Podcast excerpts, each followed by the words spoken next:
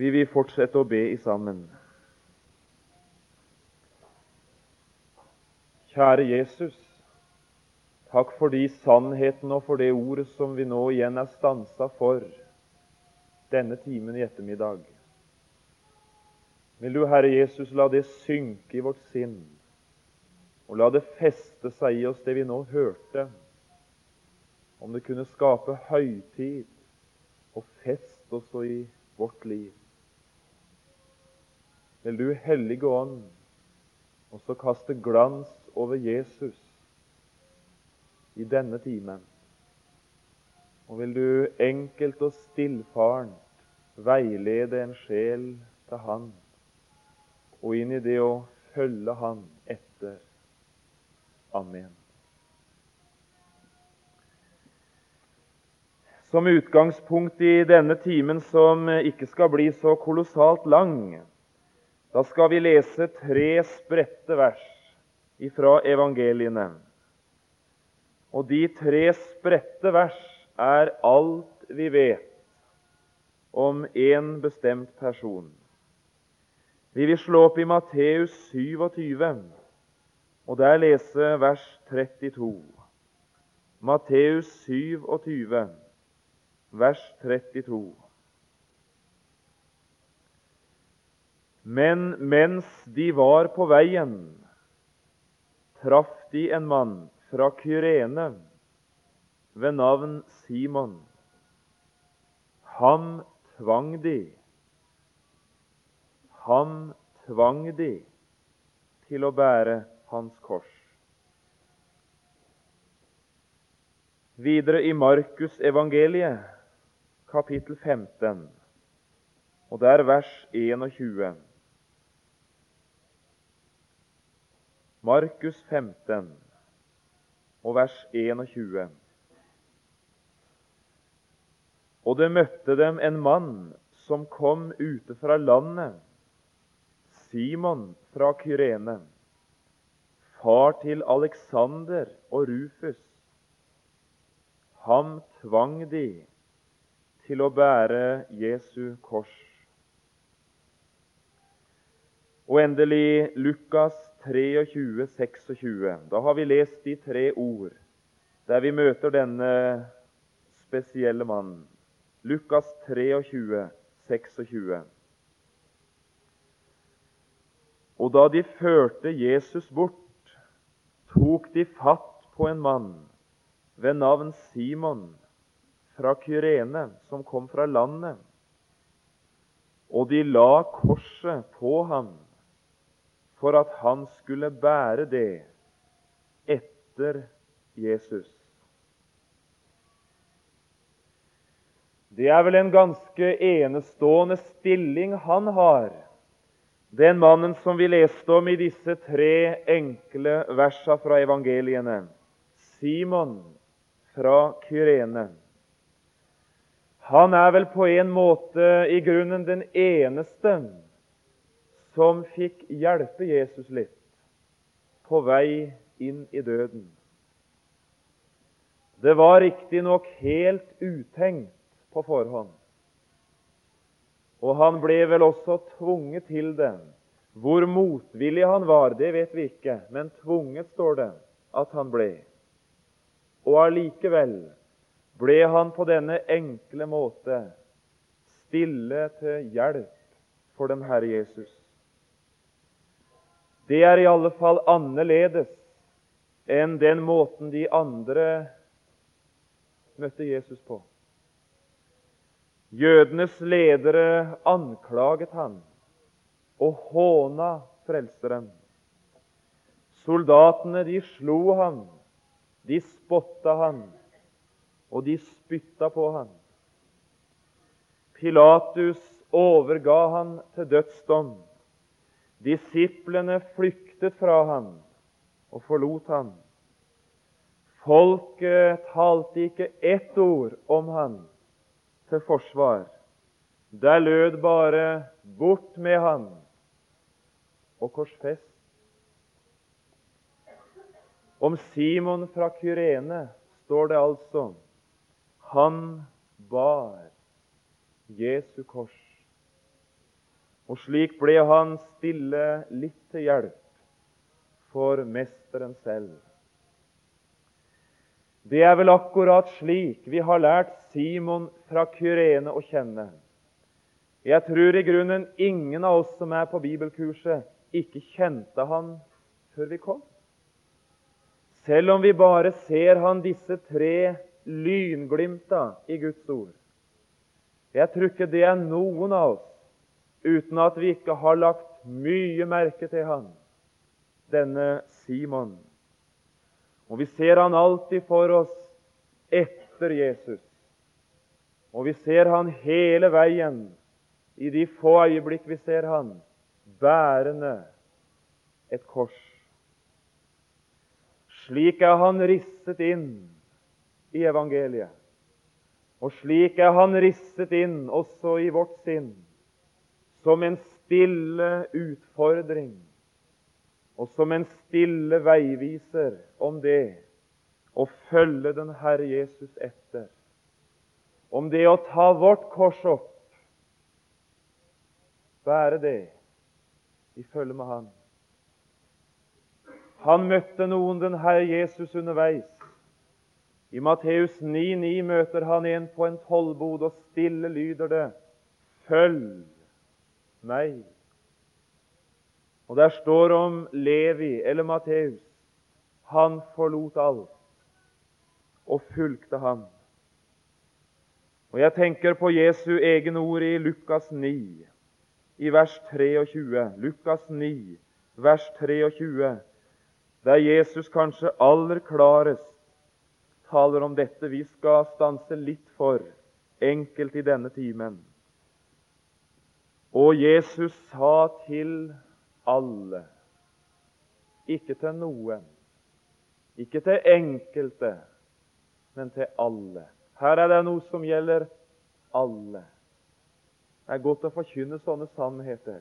Det har du hørt disse dagene. Sannheter som gjelder alle. Det er så mange som forkynner sannheter som gjelder noen. Og når det bare gjelder noen, eller kan bli tatt til seg av noen, så er det alltid mye å kløyve og splitter og deler. Jesus sa til alle Her er ingen utenfor. Her er alle med. Og her var det noe Jesus ville ha sagt oss alle. Han sa til alle Vil noen Og om det var noen som ville. Vil noen Vil noen komme etter meg? Da må han fornekte seg selv og hver dag ta sitt kors opp og følge meg, så er han ikke bare en historisk tilfeldig person, denne Simon, men han er typen for oss på den som vil følge han, og som vil ta det kors opp, og som vil være det så Jesus legger på ham og om det var mange av de som ville det som Jesus ville. Simon, der han stille bærer sitt kors og følger etter Jesus, innbyr oss slik til å slå følge med han, ta vårt kors og gå etter den Herre Jesus. Det er noen få tanker om det å være korsbærer og etterfølger du skal få. Det første som jeg har lyst til å streke veldig sterkt under Vi har talt en del om noe av det, men streker det bare enkelt nå og sterkt under. Jesu kors og vårt kors, det er i grunnen to ganske forskjellige ting. Og Det er veldig om å gjøre om vi skal få det rette med oss ifra denne timen. Bare å la det ligge der som forutsetning nå i begynnelsen. I Johannes 19 og vers 17 står det stille om Jesus, og han bar sitt kors. Og så gjør Johannes oss slik oppmerksom på noe som ingen kunne uten Jesus. Han bar sitt kors. Og åndelig forstått så ligger det det i det. Han bar ikke egentlig sitt, men han bar mitt. Jesu kors på denne måten, det er det korset han bar i stedet for meg. Det er det han tok på seg å bære, som jeg aldri kunne ha båret. Se der, Guds land, som bærer verdens synd.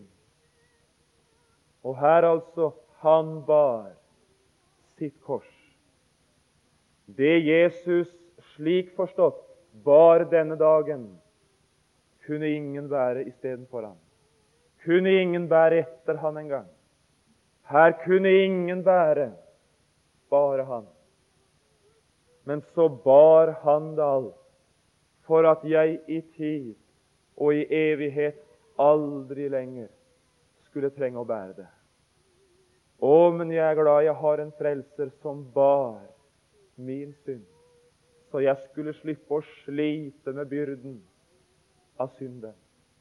Jeg er glad jeg har med en frelser å gjøre som bar mitt kors, og som der smakte min dom og min straff, at jeg aldri i evigheten skulle smake noe av det.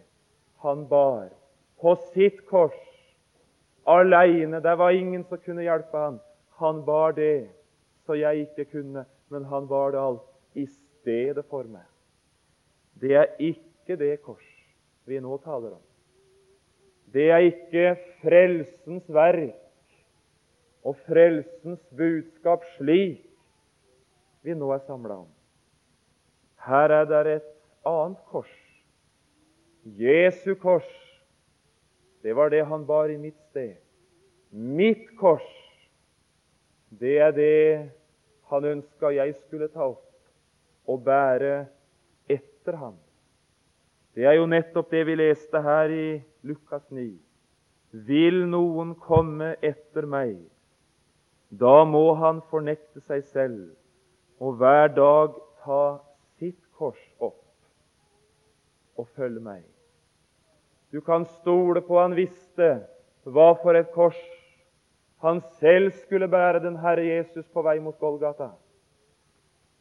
Og du kan stole på han visste dette kors er det ingen som kan bære uten meg.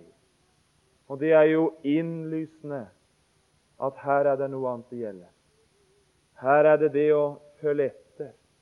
Det å være etterfølger han taler om. Det å følge i hans fotspor. I fotspor som det går an å følge for en troende. Kristi kors det har i grunnen på denne måten to sider. Jesus led Jeg skal ikke si noe mer om det, men bare dette. Jesus led som stedfortreder. Og her kunne ingen følge ham, og ingen hjelpe ham. Og Samtidig så led han som noe mer enn som stedfortreder. Hvis du ser i 1. Peters brev, i kapittel 2, der har vi i alle fall et konkret uttrykk for den andre sida, som jeg ville løfte enkelt fram. 1. Peter 2 og vers 21. Da du ble kalt, så ble du kalt til frelse og til et fullbrakt verk. Men du ble kalt også til noe mer. For dertil ble dere òg kalt Dertil ble dere òg kalt, fordi også Kristus led for dere og etterlot dere et eksempel for at dere skal følge etter i hans. Som stedfortreder kunne ingen følge han, og trengte ingen følge han. Men som eksempel er alle kalt. Og om du ville følge etter i hans fotspor. Ut av sammenhengen, men likevel. I Åpenbaringen 14,4 står der bare en setning. Dette er de som følger lammet hvor det går. Og i denne sammenhengen Å, om det, det var sannheten om oss. Dette er de som følger i hans fotspor, som led som et eksempel. Jeg har lyst til å si bare én ting før vi peker litt på veien og på byrden og på eksempelet. Det ligger jo i sakens natur, slik vi formulerer det nå. Vil noen komme etter meg, sier Jesus. Da skal han fornekte seg selv, ta sitt kors opp og følge meg. Hvis altså du og jeg skal finne den veien, finne det eksempelet og følge den veien Jesus ønska å lede oss med på, så er det som å gjøre å bli oppmerksom på veien han gikk. For ser jeg ikke veien han går, så kan ikke jeg gå veien etter ham. Ser jeg ikke hvordan han er, ser jeg heller ikke eksempelet på hvordan jeg skulle være. Det nevner jeg og skal ikke kommentere det mye, men bare av én grunn. Vet du hva det sies så mye i dag? Uten å polemisere i det hele tatt. Jo, sier folk, hvis det skal bli noe mer greie på Guds folk, hvis det skal bli noe mer inderlighet og hellighet og renslighet, hvis det skal bli noe mer avgjorthet i forhold til synden, hvis det skal bli noe mer vilje til det gode, så må vi virkelig føre folket til Sinai, sier folk. En del. Da må vi lese Guds hellige lov for det så loven kan kaste lys over livet og gi kraft til å si nei, og så lyst til å si ja. Det har vi hørt, og det skal vi få høre mye mer av i tida som kommer. Jeg har bare lyst til å si da jeg møtte loven, altså billedlig talt her nå Da jeg møtte alt krav, så vakte det alt annet en lyst i meg. Det kan jeg iallfall vitne om. Der jeg ante noe om hva det dreide seg om på Sinai, og i hva karakter Gud talte der, så vakte det alt annet enn slike tanker og slike lyster. Jeg har så lyst til stille å si til deg som både er ungdomsleder, og til deg som ønsker å finne veien inn i et frigjort liv, og inn i et liv der du kunne ligne noe på Han som vi hørte om i forrige time. Slikt banker vi ikke i folk. Slikt kan vi ikke true i folk. Slik tordner vi ikke inn i folk. En klarer ikke å slå mennesker til å bli gode. Men jeg har opplevd noe annet. Jeg har opplevd i livet mitt å komme i kontakt med enkelte mennesker, ja, med mange, som var god imot meg, som var glad i meg, som ville meg vel, som når jeg trengte det, kunne tilgi meg, som når jeg hadde det vondt, kunne være med og formidle lys og trøst til meg, som da jeg ikke kunne, tok meg i hånda og hjalp meg gjennom det jeg ikke fikk til alene. Jeg har møtt noen i mitt liv som har vært god imot meg, som har vært glad imot meg, og vet du hva jeg har opplevd i forholdet mitt til dem? Enkelt. Å, om jeg kunne være noe for dem igjen. Å, om jeg i livet mitt kunne gjengjelde litt av den godhet som jeg har møtt hos dem. Tenk om jeg noen gang kunne gi disse opplevelsen av at nå var, det, nå var det meg som var god. Tenk om jeg kunne yte noe igjen til alt jeg har opplevd. Tenk om jeg som har blitt så tilfredsstilt, kunne være med og tilfredsstille. Griper da jeg vi med det der? I Filippebrevet 2, i vers 5, så sier Paulus stille til sine kjæreste venner. Der er ikke noe brev kanskje i Det nye testamentet av Paulus der det er slik et gledens og vennskapets brev som Filippebrevet. Så sier han La dette sinn være i dere, som òg var i Kristus Jesus. De hadde sikkert mange ganger kjent på det. Å, var jeg meg deg Jesus lik? Og de hadde like mange ganger kjent på det. Å, her, her mislykkes jeg. Og gjør Paulus når han skal veilede disse og veilede oss inn i en situasjon der det sinn virkelig kunne bli vårt sinn. Hva gjør han da? Tordner han i vei og forteller om alt som er galt, og alt som er mislykket, og alt som er elendig. Og maler han fram nå veldige krav, veldige påbud, og sier sånn og slik, og kom igjen nå. Vet du hva han gjør?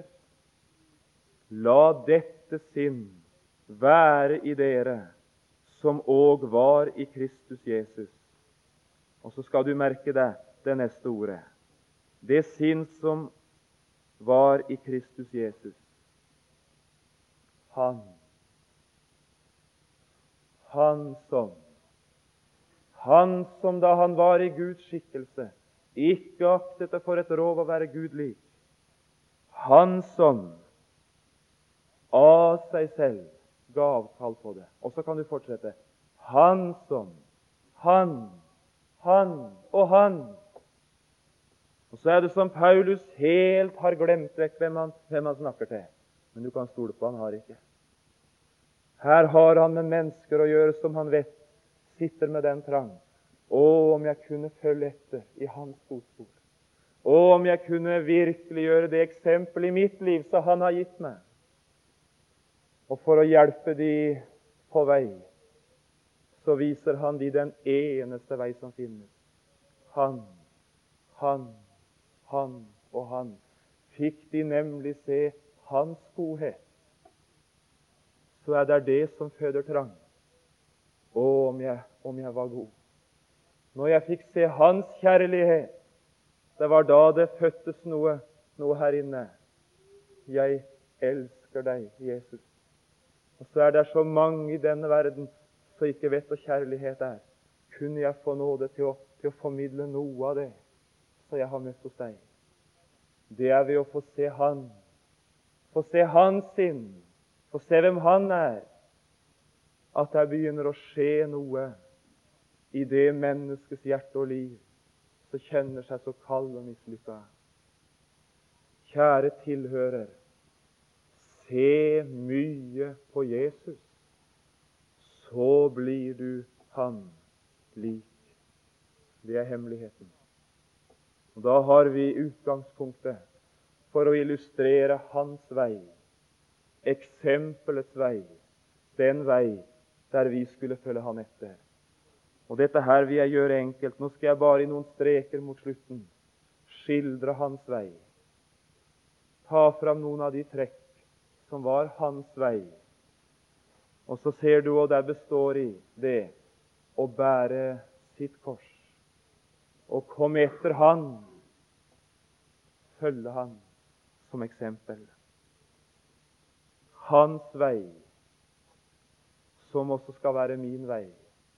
Og Det gjør han meg oppmerksom på. Det er etterfølgelsens vei.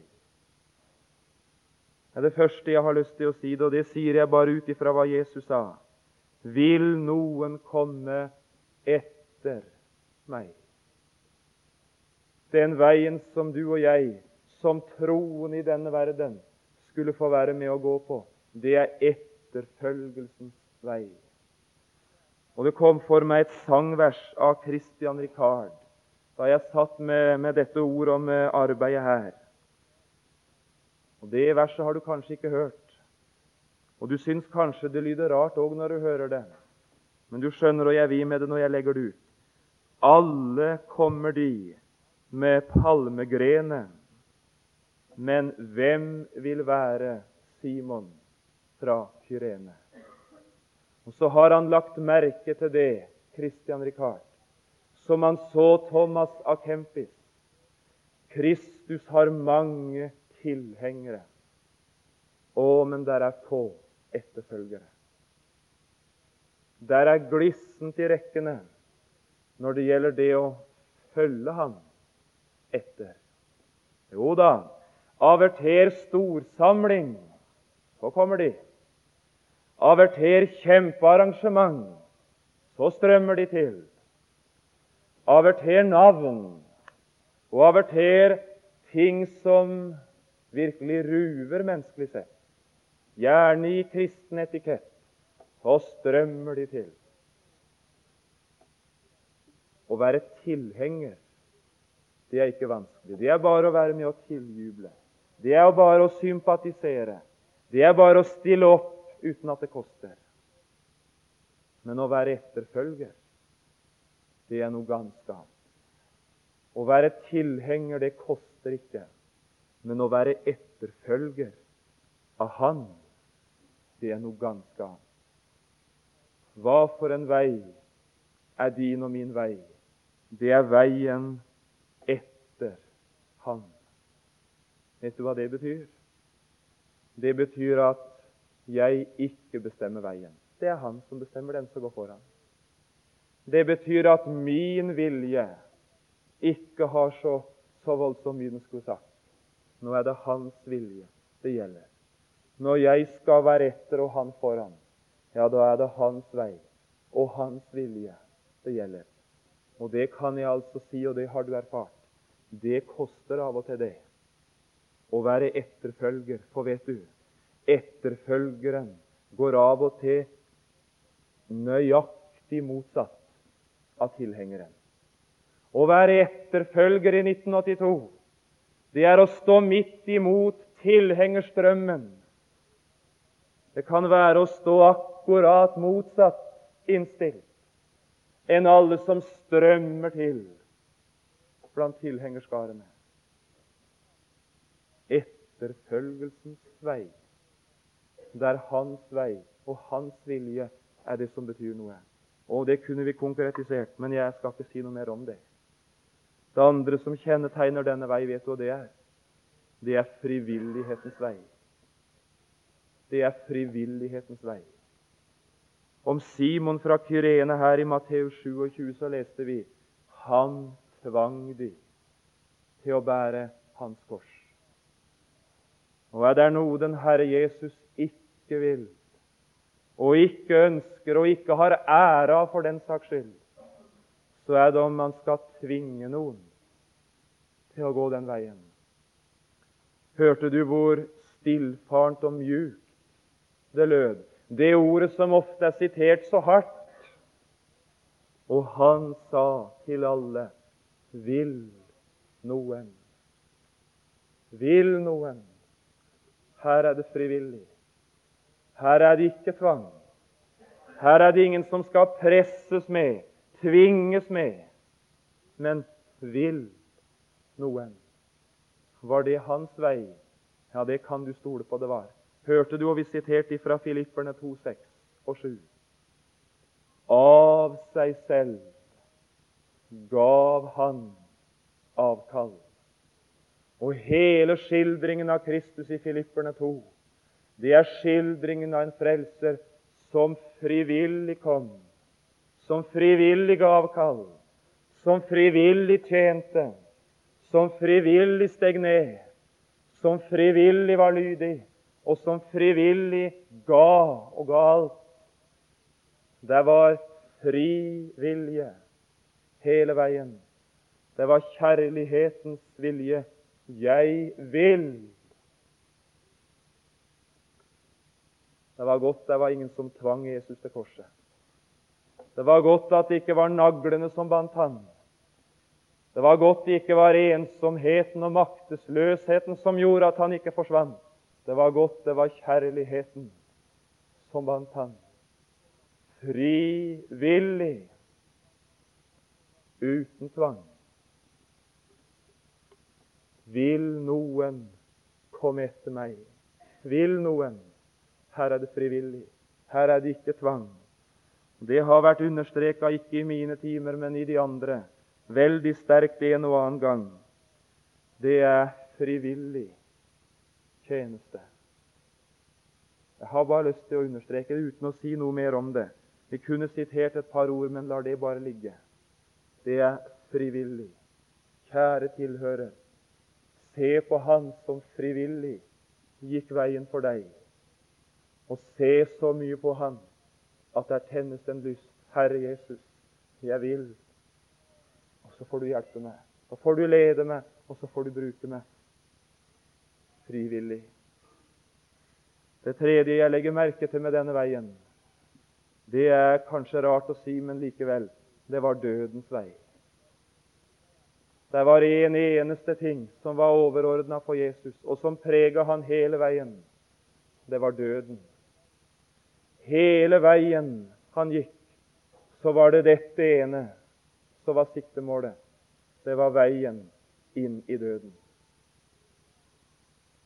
Å være en etterfølger, å følge etter i hans fotspor, det er å være på dødsveien på en annen måte. Der sto en mann fram. Han skal vokse, sa han. Han skal vokse, og jeg skal avta. Vet du hva for en vei han var på? Han var på den dødens vei der målet var alt av Jesus og intet av meg. Der målet var hans vilje i ett og alt, og så får min vilje dø.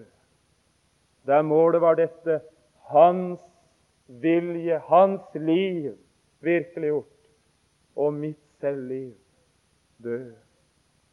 Tror du han tenkte mye på seg selv, den Herre Jesus, der han var på vei mot et kors? Tror du det var vanskelig for han da røveren ba Jesus, tenk på meg? Tror du det var vanskelig for Jesus å tenke på en røver? Han hadde ikke tenkt på andre fra evighet enn røvere. Det var slik han hadde tenkt på i evigheten. Det var slik han tenkte på på veien i verden. Og det var slik han hadde tenkt på hele veien. Og så syns jeg jeg ser situasjonen på Golgata så omvendt, der mesteren henger ved røverens side, uttalt kanskje slik Å, røver, du skulle ha visst hvor mye jeg har tenkt på deg, men nå var det altså så godt at du begynte å tenke på meg. Han tenkte aldri på seg selv, men det var de andre det gjaldt hele veien. Det var de andres frelse, og det var Faderens ære og vilje. Og så svinner han hen, og så er det alt for de andre. Å, men det er godt å møte sånne mennesker som har grepet noe av det. Det er ikke slik de sier i verden. Stå på krava. Realiser deg selv.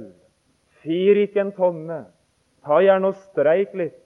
Og stå på hardt og ukuelig.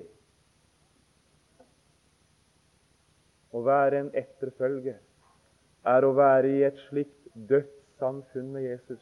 Og nå bruker vi akkurat et sånt uttrykk. Der var veien inn i døden, der han avla alt med tanke på seg selv. Det var de andre hele veien. Å, men det er vanskelig. Det er ikke naturlig. Det ligger visst ikke for meg å skulle fornekte meg selv. Det er, det er unaturlig, men det er åndelig. Og det er kristlig. Dødens vei. Kjærligheten søker ikke sitt eget. Å, som det er sant om Jesus. Å, som jeg skulle ønske det var sant om meg. Kjærligheten søker ikke sitt eget. Og så står han på prekestolen, egoisten, egosentrisk som bare det. Og så er det meg og mitt og mine. En kan ikke be til Gud engang uten at det er meg og mitt og mine det dreier seg om hele veien. Og som jeg ønska et annet sinn. Og var jeg meg, deg Jesus lik? Vil noen komme etter meg, og som jeg ønska det. Veien er videre lidelsens vei. Og det ligger i sakens natur etter det vi har, det vi har nevnt. Lidelsens vei. hadde bare lyst til å lese et lite trekk i Hebreerne 12. I begynnelsen der står det noe om Han. Der står at han led på to forskjellige måter. Hebreerbrevet 12. Jeg skal øyeblikk være ferdig. Det var en par ting til slutt. Her står det noe om en kamp, så vi skal løpe i seg oss foresatt. Det skal vi bare la ligge. Men vers 2. I det vi ser på troens opphavsmann og fullender, på Jesus. Og her er iallfall blikkretningen klar. Her er det Jesus det dreier seg om. Han som for den glede som ventet han, led tålmodig korset. Og så kan du se i vers 3.: Gi akt på Han. Blikkretningen klar igjen. Gi akt på Han som tålmodig har litt en slik motsigelse av syndere. Er det noen i denne verden som har blitt motsagt, så er det Jesus. Og er det noe vi kan vente, hvis vi ønsker å følge i hans fotspor, så er det motsigelse. Og det fører til tider lidelse med seg. Det er smertelig å bli motsagt. En kan ikke komme ned fra prekestolen en gang og møte en troende bror som stillfarent og, og, og, og omsorgsfullt kommer og sier, 'Venn, det var noe i det du sa.' Jeg skal undre meg på om Og så får en et lite glimt av noe en ikke selv så. Og så følte jeg nesten smerten i det. Det var noe ikke jeg hadde sett. Jeg sa det visst galt. Og så kan en kjenne endog i en sånn sammenheng Noe av smerten det kan være å bli irettesatt, til og med ikke engang motsatt. Det ligger ikke for oss, og så smerter det. Og allikevel, det er veien i hans spor. Han led tålmodig motsigelse. Jeg har lyst til å bare spørre deg om én ting. Hva er viktigst for deg? Å tale sannheten eller å tale så du ikke blir motsagt? Hvis du skal tale så du ikke blir motsagt, så skal du i alle fall ikke tale sannheten. Den som taler sannheten, han blir alltid motsagt. Hvis du ønsker å leve i sannheten Å, sånn er god lyst du har. Men om du ønsker å leve uten å bli motsagt eller nedkjempa, så skal du aldri leve i sannheten. For den som lever i sannheten, han blir alltid motsagt. Bare lev reint på kjærlighetsområdet, ungdom, og si stillfarent og enkelt hvorfor du lever rein. Å, men du skal bli motsagt. Det kan du stole på. Men det å være i sannheten, i samfunn med Han så er sannheten at de er i Hans følge og i Hans fotspor lidelsens vei og vanærens vei. Det var disse to ting til slutt. Vanærens vei. Hebreerbrevet 13. Og dette kunne vi hatt mye tid på, for her brenner det i så mange sammenhenger i dag. Hebreerne 13 og vers 12. Derfor led også Jesus utenfor porten, for at han ved sitt eget blod kunne hellige, skille ut hellige folket.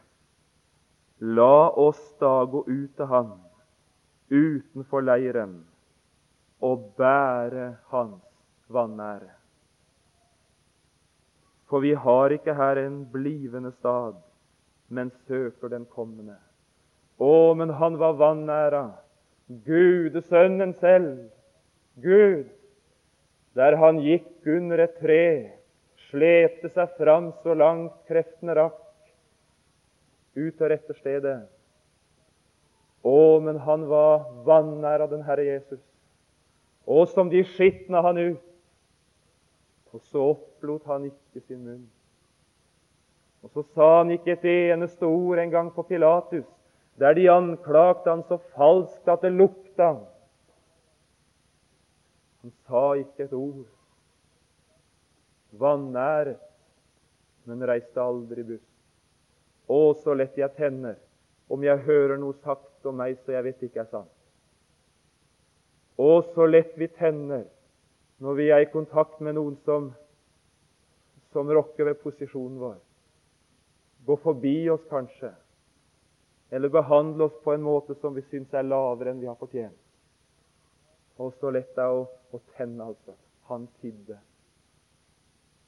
Vi går til rettssak, vi. Men han tidde. Vannærens vei. Å, om det kunne være vår vei. For vannærens vei, det er veien så endte så stort. Og Det har jeg lyst til å slutte med her. Vi kunne ha talt litt om, om andre ting, men det var bare disse små tinga. Hans vei, det var veien til velsignelse og til himmelsk herlighet.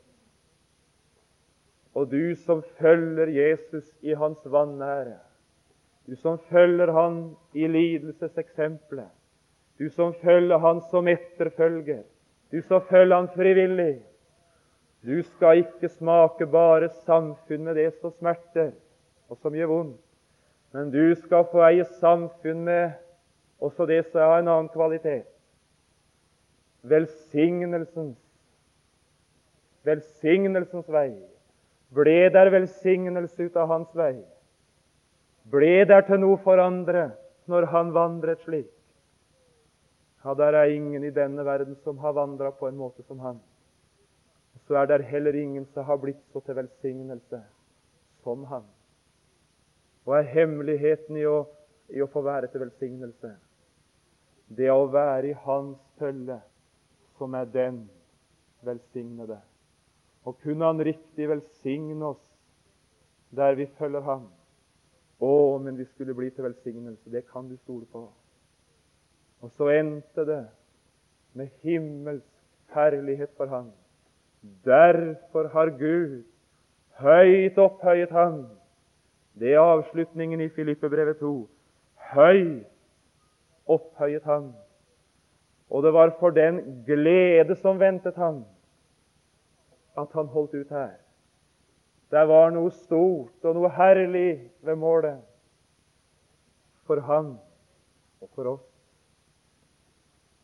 Det er så annerledes da å ta det som er tungt og vanskelig, og gjerne noe som går på livet løs, hvis en bare vet det er ennå bare en kort tid. Det er bare en kort tid.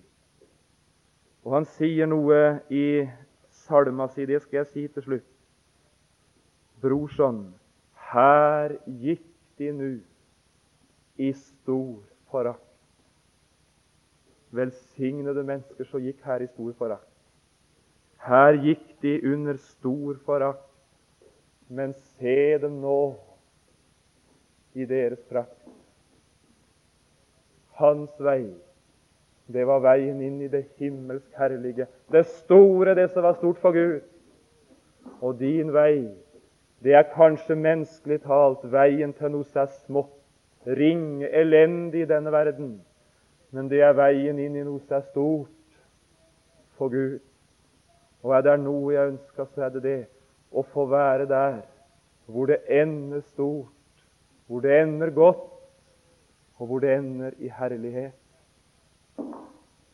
Vil noen komme etter meg? Herre Jesus, å som jeg ønska det, at noe mer av ditt sinn kunne være i meg. Og som jeg ønska det, Jesus, å få hjelp underveis til det å ta mitt kors opp, fornekte meg selv og følge deg. Herre Jesus, la det lykkes lykkes for mange av oss i vår tilstand i denne verden. Der var noen som i oss og ved oss og gjennom oss fikk se noe himmelsk. Å, var jeg meir deg Jesus lik. La den bønnen aldri dø i oss, Jesus. Amen.